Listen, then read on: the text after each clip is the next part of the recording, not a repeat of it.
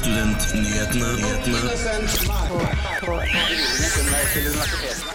Hei og hjertelig velkommen til Studentnyhetene. Dette er en litt eh, annerledes eh, start enn det du kanskje er vant til. Fordi at eh, mens vi sitter her, så er det noen fra eh, programmet rett før oss som heter Opplysningen, som eh, driver og skal fortelle oss hvem som har vunnet, vunnet eh, Nobels eh, fredspris. Så vi venter egentlig bare på at eh, de skal eh, svare oss eh, rett og slett. Jeg personlig er eh, veldig spent. Det var litt på bakrommet noe snakk om eh, hvem som eh, vi trodde kanskje kunne vinne. Eh, Folk lurte på om kanskje kvinnene i Iran skulle vinne, eller kanskje om noen for eh, klima skulle vinne. Det var også noen av de som sto på lista. Jeg eh, personlig eh, lurer også veldig på hvem som eh, kommer til å vinne. Jeg kan jo kanskje spørre mine to medsammensvorne i studio. Har dere noen tanker, Eivind? Har du noen tanker om hvem du tror kommer til å vinne? Det blir veldig spennende å se. Akkurat nå så er det jo mange som kan gå av med seieren. Men det er jo veldig spennende de temaene du melder, da. Med både klima og konflikten i Iran. Og så er det jo en eh, stor konflikt i Europa også, som også er veldig relevant. Med Ukraina-situasjonen. Da skal vi ta og prøve å ringe opp eh, opplysningen og se om eh, vi får kontakt med de. Er det Runa Opplysningen jeg snakker med? Det stemmer. Vi er på vei ut av lokalet for å kunne ta dette intervjuet. Bare hold linja lite grann. Ja, du holder meg på pinebenken her, Runa. Jeg er spent som bare det. Jeg har, ikke, jeg har skrudd mobilen min på ikke forstyrr, sånn at jeg ikke engang kan få et push-varsel. Eh, kun for å høre live fra deg hvem som eh, potensielt eh, kan eh, vinne. Jeg vet at Opplysningen har holdt på litt tidligere i dag og ja, som sagt snakket om hvem de tror potensielt kan vinne. Det er jo to stykker fra Opplysningen der nede, så jeg er jo spent på hvem jeg, hvem jeg skal snakke med. Det var enten Runa eller Alexander. Det kom litt an på hvilken, hvilken vei eh, den som valgte Den som valgte, faktisk. Den som vant, eh, var. Er du langt unna et sted du kan snakke, Runa? Nå er vi her, vet du, og nå skal du få høre. Eh, de overskriften står 'Kvinne, liv, frihet'. Oh, ja. For Den norske Nobelkomiteen har bestemt for at årets nobelpris skal gå til Nargis Mohammadi for hennes kamp mot undertrykking av kvinner i Iran. Og hennes kamp for menneskerettigheter og frihet for alle. Ja, jeg sitter jo her med frysninger, eh, frysninger i studio. Eh, det er jo absolutt eh, noen som Altså, det er vel de fleste som blir nominert, eller som er på den korte lista, fortjener jo å, å vinne. Var det noen andre argumenter dere plukket opp fra annonseringen som du kan fortelle oss om? Ja, altså hun har jo vunnet fordi at denne kampen har kostet henne personlig veldig dyrt. Altså Til sammen så har myndighetene arrestert henne 13 ganger og domfelt henne fem ganger. Og hun har vært dømt til 31 års fengsel og fått hele 154 piskeslag. Eh, og hun er fortsatt sperret inne. I september 2022 ble den kurdiske kvinnen Masha Jayini Amini drept i den iranske moralpolitiets varetekt og drapet utløste de største politiske demonstrasjoner mot presteregimet siden makten tok over i 17, eh, nei, 1979. Eh, under kvi- mottoet 'Kvinne, liv, frihet' deltok flere hundre tusen iranere i fredelige protester mot myndighetenes brutale kvinneundertrykking, og prestestyret slo jo hardt ned på disse protestene. Mer enn 500 demonstranter ble drept, og flere tusen ble såret. Og mange har jo blitt tatt i varetekt og truffet av både kuler og gummikuler fra politiet. Minst 20 000 ble arrestert, eh, og nå holdt i varetekt av regimet. Så vinneren av dette er jo en som virkelig har stått i bresjen for denne kvinnekampen i Iran, og for å hindre undertrykkelse av kvinner videre etter dette. Eh, absolutt. Eh, tror, eh, tror, du at eh, hun er eh, tilgjengelig for selve prisutdelingen, eller er hun fortsatt eh, fengslet i Iran? Jeg tror nok dessverre, sånn som det ser ut nå, så vil hun fortsatt være fengslet. Hun ble jo holdt inne nå fordi hun da har tatt opp kampen mot regimet. Hun har gått i bresjen for at kvinner ikke skal trenge å skjule og tildekke seg, noe som presteregimet er veldig for at kvinner skal. Eh, og hun har også eh, kjempet for ytringsfriheten til eh, kvinner og for hele befolkningen for øvrig. Så nå sitter hun jo på en 31 års dom for dette, da.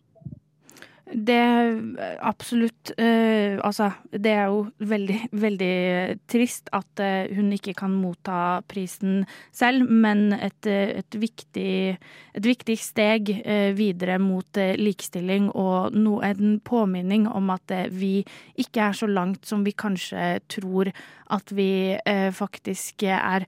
Har du noen siste ord du vil si, Runa, før vi, før vi avslutter? Altså, vi må jo bare berømme Nobelkomiteen for å gi prisen til en kvinne. Det skjer dessverre ikke så ofte. Og også en kvinne som ikke er fra vestlige land, og som kjemper der hvor hun er. Det er utrolig, utrolig viktig og sender et stort og viktig signal til resten av verden om at vi ønsker likestilling for menn og kvinner, og at vi går i bresjen for ytringsfrihet og berømmer de som gjør et så viktig arbeid. Så det må jeg bare si. Det kan jeg absolutt eh, stille meg eh, bak. Eh, tusen takk til deg, Runa, og opplysningen som kunne komme og stille. Og vi kan jo bare gratulere med en så verdig prisvinner. Tusen takk.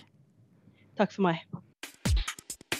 Vi må innom det aller helligste temaet blant studenter. Det er jo studiestøtte. Studiestøtte. Har du ikke hørt det? Det aller helligste temaet blant studenter. Studentnyhetene hver fredag fra 11 til 12 på Radio Nova. Sikkerhetsventilen for studenter som har vært anklaget for fusk, har vært mye i nyhetene i det siste. Denne uken har emneknaggen sett nærmere på Felles klagenemnd. Universitetet i Oslo har lansert KI-tjenesten ChatGP eh, eh, GPTUIO. Mange frem, eh, fremtidige arbeidsgivere legger stor vekt på karakterutskrifter. Hei og hjertelig velkommen til denne ukens studentnyheter. Det var jo en litt annerledes start enn det du kanskje er vant til, men sånn er det når det er en stor, eh, stor dag. Det er jo tross alt annonseringen av eh, fredsprisen, Nobels fredspris. Eh, men jeg er som vanlig ikke alene i studio. Jeg har med meg Elias, hei. Hei, hei. Og Eivind. Hei dere som er faste, gode lyttere av Studentnyhetene, hører jo at dette er nye stemmer. Eh, og det er det jo. Det er jo to helt ferske, nydelige folk jeg har fått med meg inn i studio. Elias, hvem er du? Kan du fortelle litt til lytterne? Det store spørsmålet. Det kan jeg fortelle litt om. Jeg heter Elias Fjelstad. Jeg studerer første året på journalistikk på Høgskolen Kristiania. Jeg er en uh, glad bergenser og liker nyheter. Uh, og ja, jeg er veldig klar for å komme i gang her nå. Og ja, så blir man kanskje litt mer kjent med meg etter hvert. Og Eivind er jo ikke kanskje en helt ny stemme, for Eivind har jo laget et par saker, men nå er det jo første gang du er her inne i studio live. Så Eivind, hei til deg. Hyggelig at du kom hit i dag. Kan du fortelle litt hvem du er? Hei, tusen takk. Jeg heter Eivind Vangsnes. Jeg er også journali journalistikkstudent og har tidligere jobba litt som uh, skrivende journalist. Og nå er jeg så heldig at jeg har fått lov til å bli med i Studentnyhetene. Ja, så... whoop, whoop. Det er jo ikke alle som får lov til å eh, være med her. Vi er en eksklusiv gjeng. Mm -hmm. eh, som du eh, tidligere hørte, så har vi, har vi, en god del eh, ting vi skal, eh, skal, snakke om i dag. Det er en litt sånn ekstraordinær sending, selv om det kanskje er grått og trist ute samordna opptak. Det handler om rettssikkerheten eh, til norske studenter. Akademia Strid. Oslo OsloMet. Universitetet i Oslo. Jeg studerer Studentnyhetene. Hver fredag fra 11 til 12.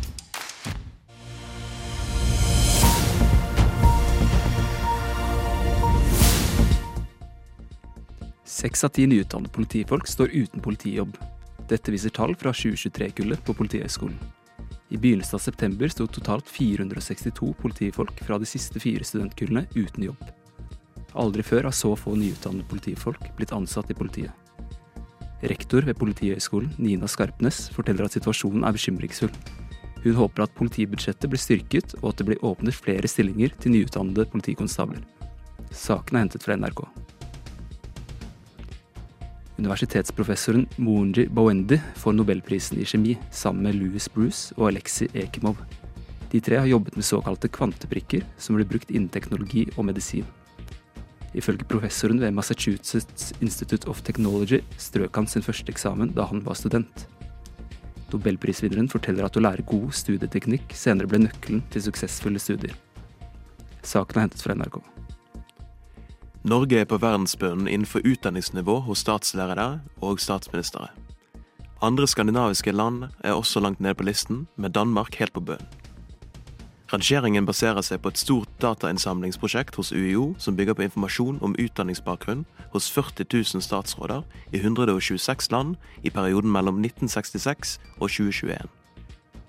Forskningen som står bak studiet, sier at de nordiske landenes plassering på rangeringen skyldes et bredt folkestyre fremfor et elitestyre. Kunnskapsminister Tonje Brenna har selv ikke fullført høyere utdanning, og hun sier at norske politikere er tettere på folk, og at veien inn i politikken er kortere sammenlignet med andre land. Brenna mener dette er en styrke for demokratiet. Saken er hentet fra Krono. Ved NTNU i Gjøvik lærer studentene å tenke som cyberkriminelle.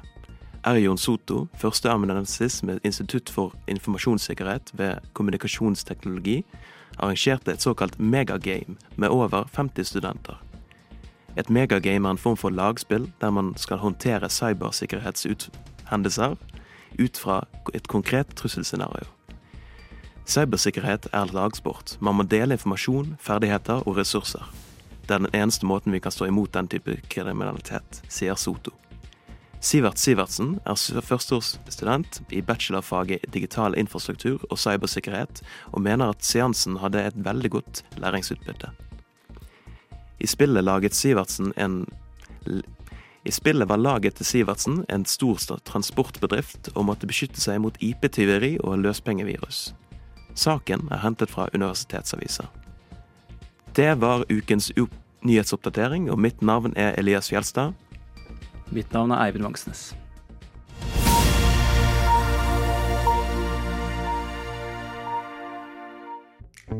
Ja, klart Som student så har du lite penger å rutte med, jeg skjønner det. Men hva betyr det for studentene?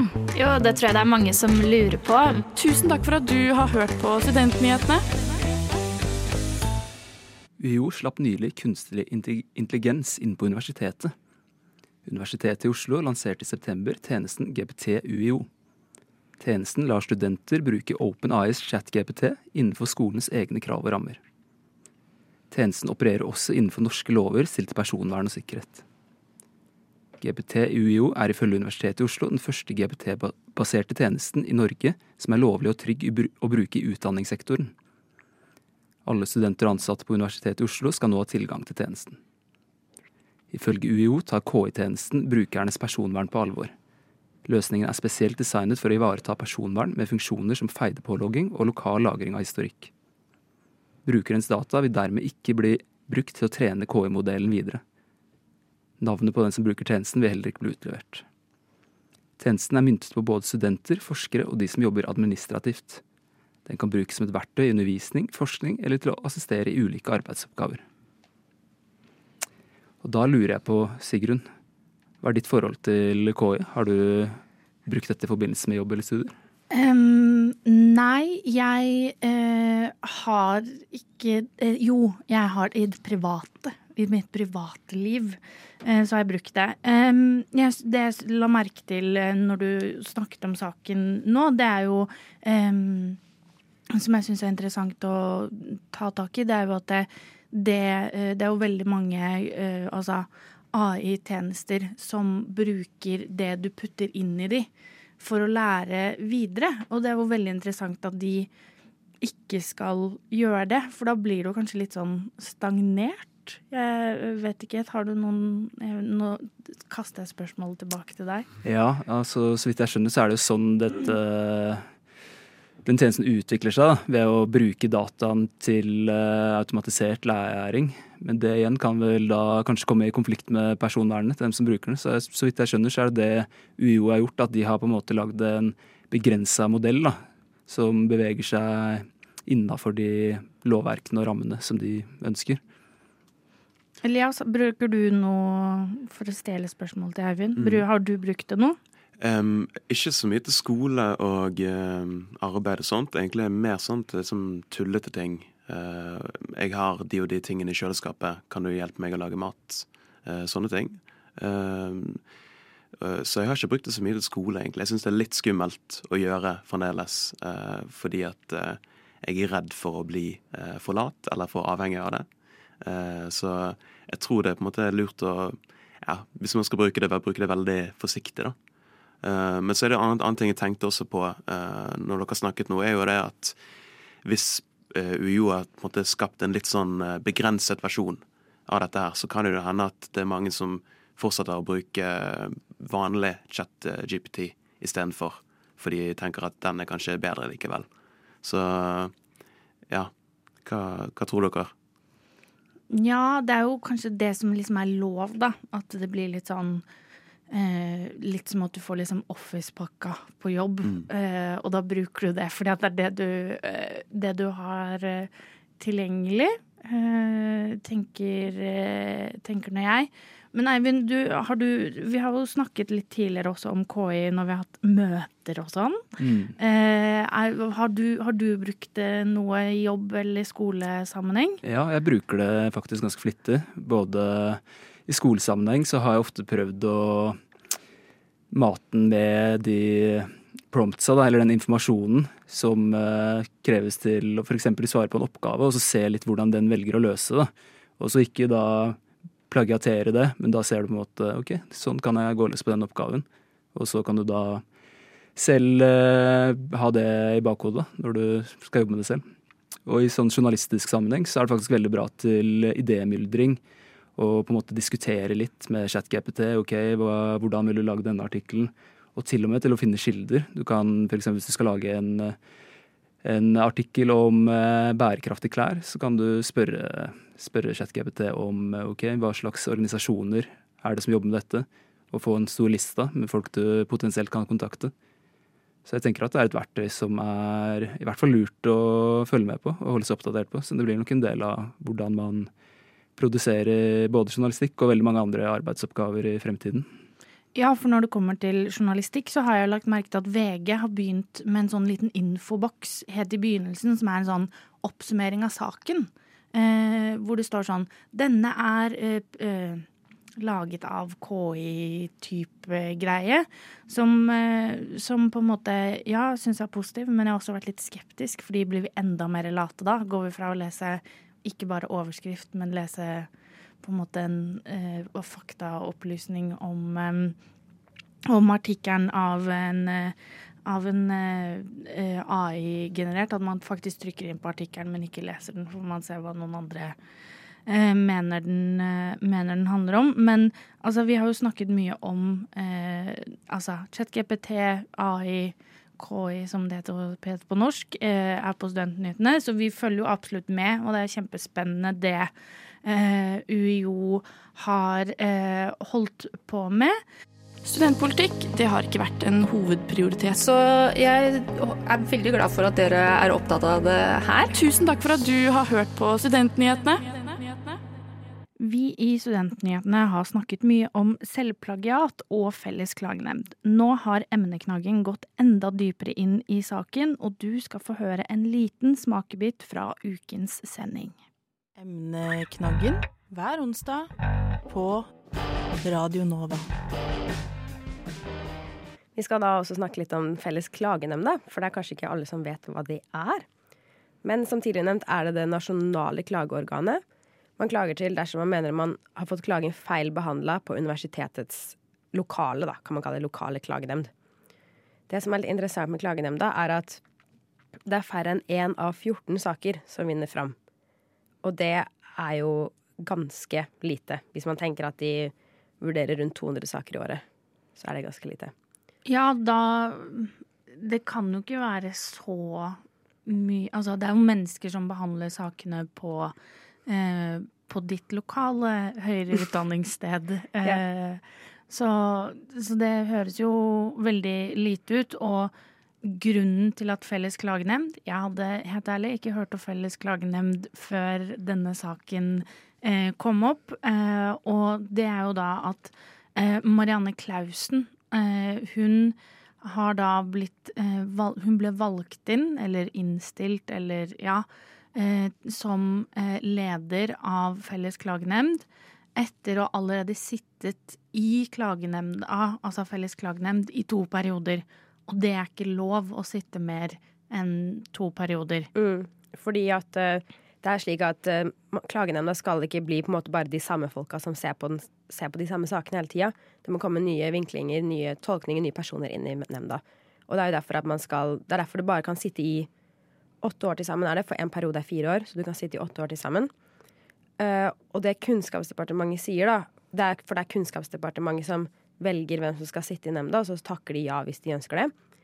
Og det Kunnskapsdepartementet sier, er at de uh, tolket loven slik at når Marianne Clausen ble først oppnevnt som nestleder i nemnda til sin første periode, og så i sin andre periode ble hun oppnevnt til leder, så hadde hun bare vært leder i én periode, og det var greit for henne å sitte i samme stilling i to perioder, selv om hun hadde vært i en annen stilling tidligere. Ok, Så da kunne hun i teorien sittet som nestleder i to perioder, mm. og så leder i to perioder. Altså sånn Ja. Det er Og så kanskje, hvis, hvis man tar lov på den måten, så kan man jo da gå tilbake til vanlig medlem i åtte år til. Så da sitter man plutselig i tre ganger åtte er 24 år, tror jeg. Oh, god hoderegning på deg der, altså. jeg tror det er riktig. Men? Ser, det, det, blir jo et problem. Man kan ikke ha noen som sitter 24 år i en klagenemnd. Da blir, bare, da blir, det det samme synet som ser på alle sakene. Det blir et problem. Og det er jo også mange som sier at, at det er et rettssikkerhetsproblem for studentene. Og at eh, de sakene som har blitt um, vurdert av hennes klagenemnd, de burde vurderes på nytt igjen. Og, ja, og denne saken har jo vært veldig mye frem og tilbake. Ja. Altså, det var jo først at hun ble valgt slash innstilt eh, som eh, leder for en, eh, altså for en andre periode, men en tredje periode i klagenemnd. Så trekker, hun, så, så trekker hun seg, og så sier de sånn Nei, men hun skal være likevel. Og så eh, gikk kunnskap, Kunnskapsdepartementet ut og sa sånn Nei, dette går ikke likevel. Og det har vært etter mye press fra bl.a. Eh, NSO. Ja. Eh, og Oline Sæter, som har vært eh, Eller Sæter, som har vært mye ute og eh, kritisert dette. Eh, medvirkende i Emneknaggen-sendingen var Ada Helen Engebretsen, eh, Sigrun Tårne og eh, Elisabeth Vestreheim Knutsen. Du kan høre resten av Emneknaggen der du liker å høre på podkast. Har dere Senterpartiet glemt studentene når dere skrev deres valgprogram for Oslo? Altså, mulig, men Studentnyhetene. Vi er nyhetsprogrammet av og med studenter. Hver fredag fra 11 til 12 på Radio Nova. Ja, det er mange fremtidige arbeidsgivere som legger altfor stor vekt på karakterutskrifter. Det er det UiB-dekan Karl Harald Søvig som er ute og snakker om. Han sier at han må gjøre en kontinuerlig jobb for å, ja, for å få studentene og framtidige arbeidsgivere til å forstå at en jurist med et C-snitt, det er en ganske god jurist. Han er ganske bekymret for karakterpress, altså. Og det er ikke han alene om. Det er også dekanene med UiO og UiT. De mener som dette karakterpresset, det Ja, det blir, det blir for dumt, mener de. Karakterfordelingen for UiB sin jusstudie viste at 35% for C, 30% for B, litt over 10% for A, 15% for D og 4 til E. Og UiB er jo verken fornøyd eller misfornøyd med karakterfordelingen, og mener at karakteren bør settes ut fra læringsmålene. Søvik påpeker igjen at karakteren C det er god prestasjon, og at han har jobbet for å få arbeidsgiverne til å forstå dette. Det er jo mange som har innført eh, tiltak for å motvirke et karakterpress. UiB har jo karakterfritt første semester og mer varierte vurderingsformer. UiO har bestått, ikke bestått på første semester og ulike eksamensformer. Så det er mange som mener at, uh, av disse dekanene som mener at karakterpresset ligger mer hos arbeidsgivere, som legger mye vekt på karakterene når de skal ta inn folk. Uten å se på de andre nødvendige ferdighetene for uh, jurister, da, som det er snakk om her. Uh, og at det er et behov for et bredere vurdering av kandidatene enn kun karakter. Så jeg tenker, hva tenker dere om dette her? Det med karakterer. Hvor mye skal det spille rolle i både utdanningsløpet og når man skal videre i arbeidslivet. Eh, Sigrun, har du gjort deg noen tanker om dette? Eh, jeg er jo da så heldig at jeg kjenner jo jurister fra, mm. fra UB og UiT. Eh, og har jo vært litt inne i den verden som de Kun som pårørende, som jeg liker å kalle meg selv for vennene mine når de studerer. Um, altså absolutt. Uh, og jeg tror man ofte glemmer litt som du også sa, at sånn C er en god karakter. Jeg tror vi ofte sammenligner det med en uh, mer sånn nummerert uh, karakterskala, hvor man tenker at C er en firer. Mm. Men det er det jo absolutt ikke. Det er en Altså sånn C er liksom, ja, som sagt, snittet. Sånn, hvis du har gjort bra, hvis du har gjort alt det du kan og skal, så får du en C. Har du gjort noe på en måte utenom det, så får du kanskje en B eller en A. Så jeg syns det er kjempeinteressant, og det er jo absolutt noe som både universitet Jeg tror ikke det er så mye studentene som kan gjøre med det. Det er universitetet, og det er arbeidsgiverne, eh, rett og slett. Eivind, hva, hva, hva, tenker du om karakterpress? Opplever du karakterpress på studiet? Jeg ser for meg at i litt mer eh, kreative yrker at det kanskje er litt mindre av det. fordi da går det mer på når du søker en jobb, hva har du gjort før? Hva kan du vise til? Du kan sende inn tekster, du kan sende inn ting du har produsert. Mens i de mer eh, tyngre akademiske eh, studieløpene så ser jeg for meg at det kanskje er mer press. da. Hvor, du, ja, hvor det rett og slett blir et veldig tungt press på å ha toppkarakterer gjennom hele studietiden. Veldig, veldig eh, godt, eh, godt, poeng.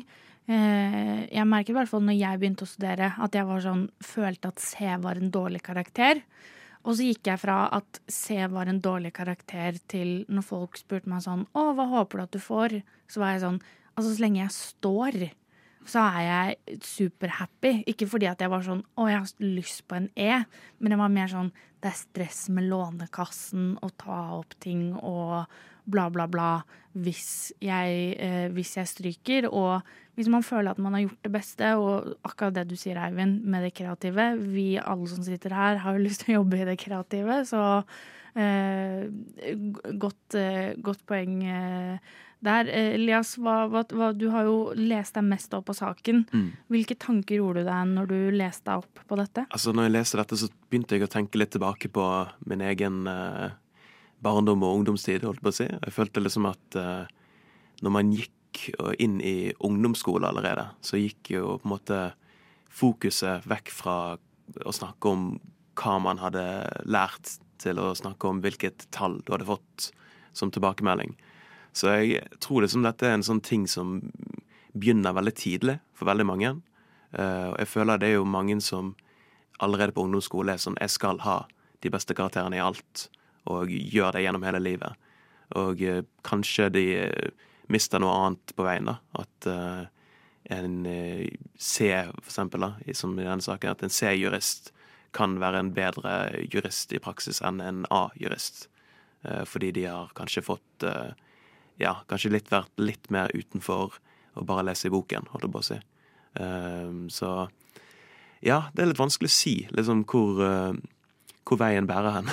Men eh, jeg tror liksom det med å ta andre ting inn i betraktning enn kun karakter er veldig viktig. Iallfall når man skal ut i arbeidslivet. Da er det liksom Man må skjønne hvem personen er. Uh, og en karakter sier ikke så mye om ens karakter, hvis du skjønner det ordspillet. Ah, godt ordspill. Den måtte jeg få inn.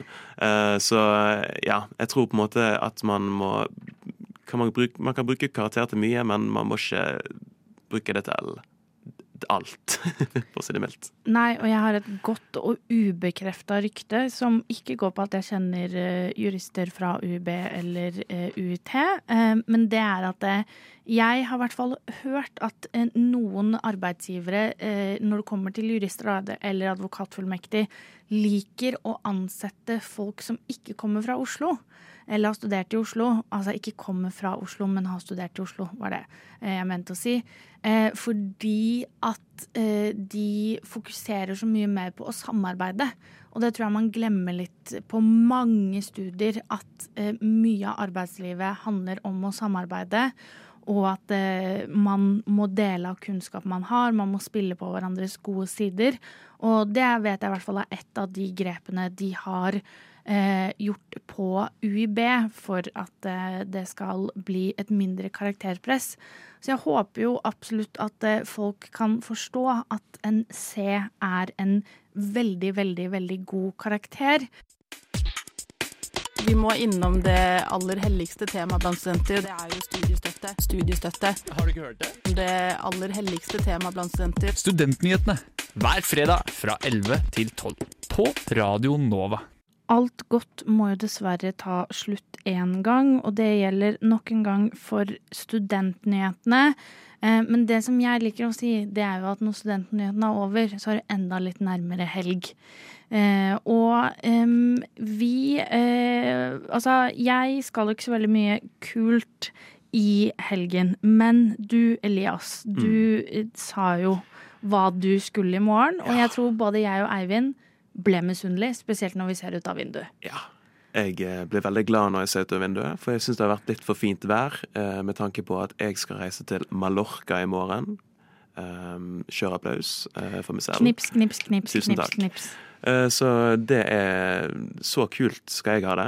Jeg gleder meg ekstremt mye, for det er noe med å reise vekk fra kalde, våte, grå Norge ned til ja, solens land, si.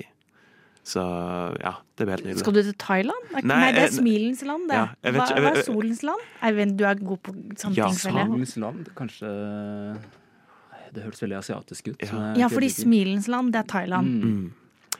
Jeg tror jeg ikke har gjort uh, nok research på quote rundt uh, Mallorca, men det, det, er jeg ganske sikker på at det er der jeg skal, iallfall.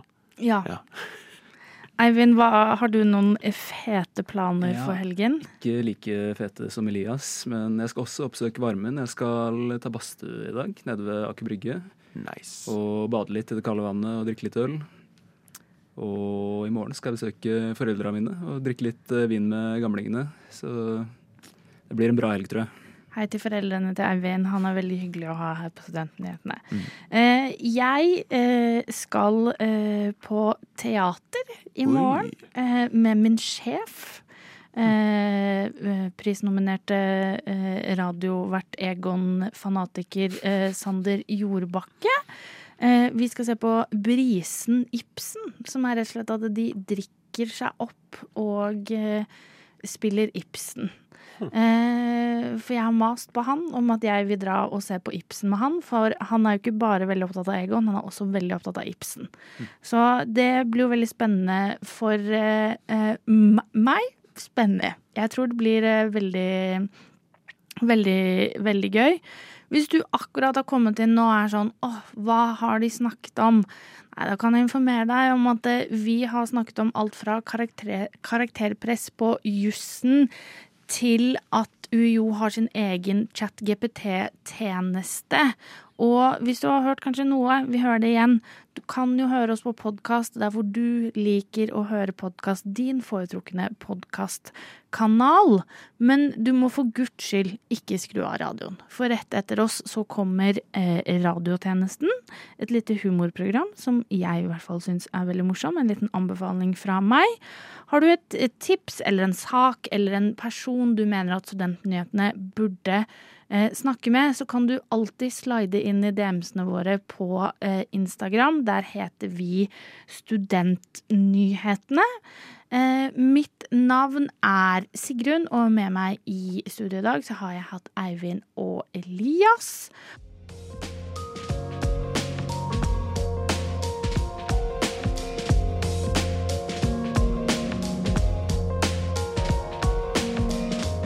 Du har hørt på en podkast fra Radio Nova. Finn flere podkaster på din foretrukne podkastavspiller eller radionova.no.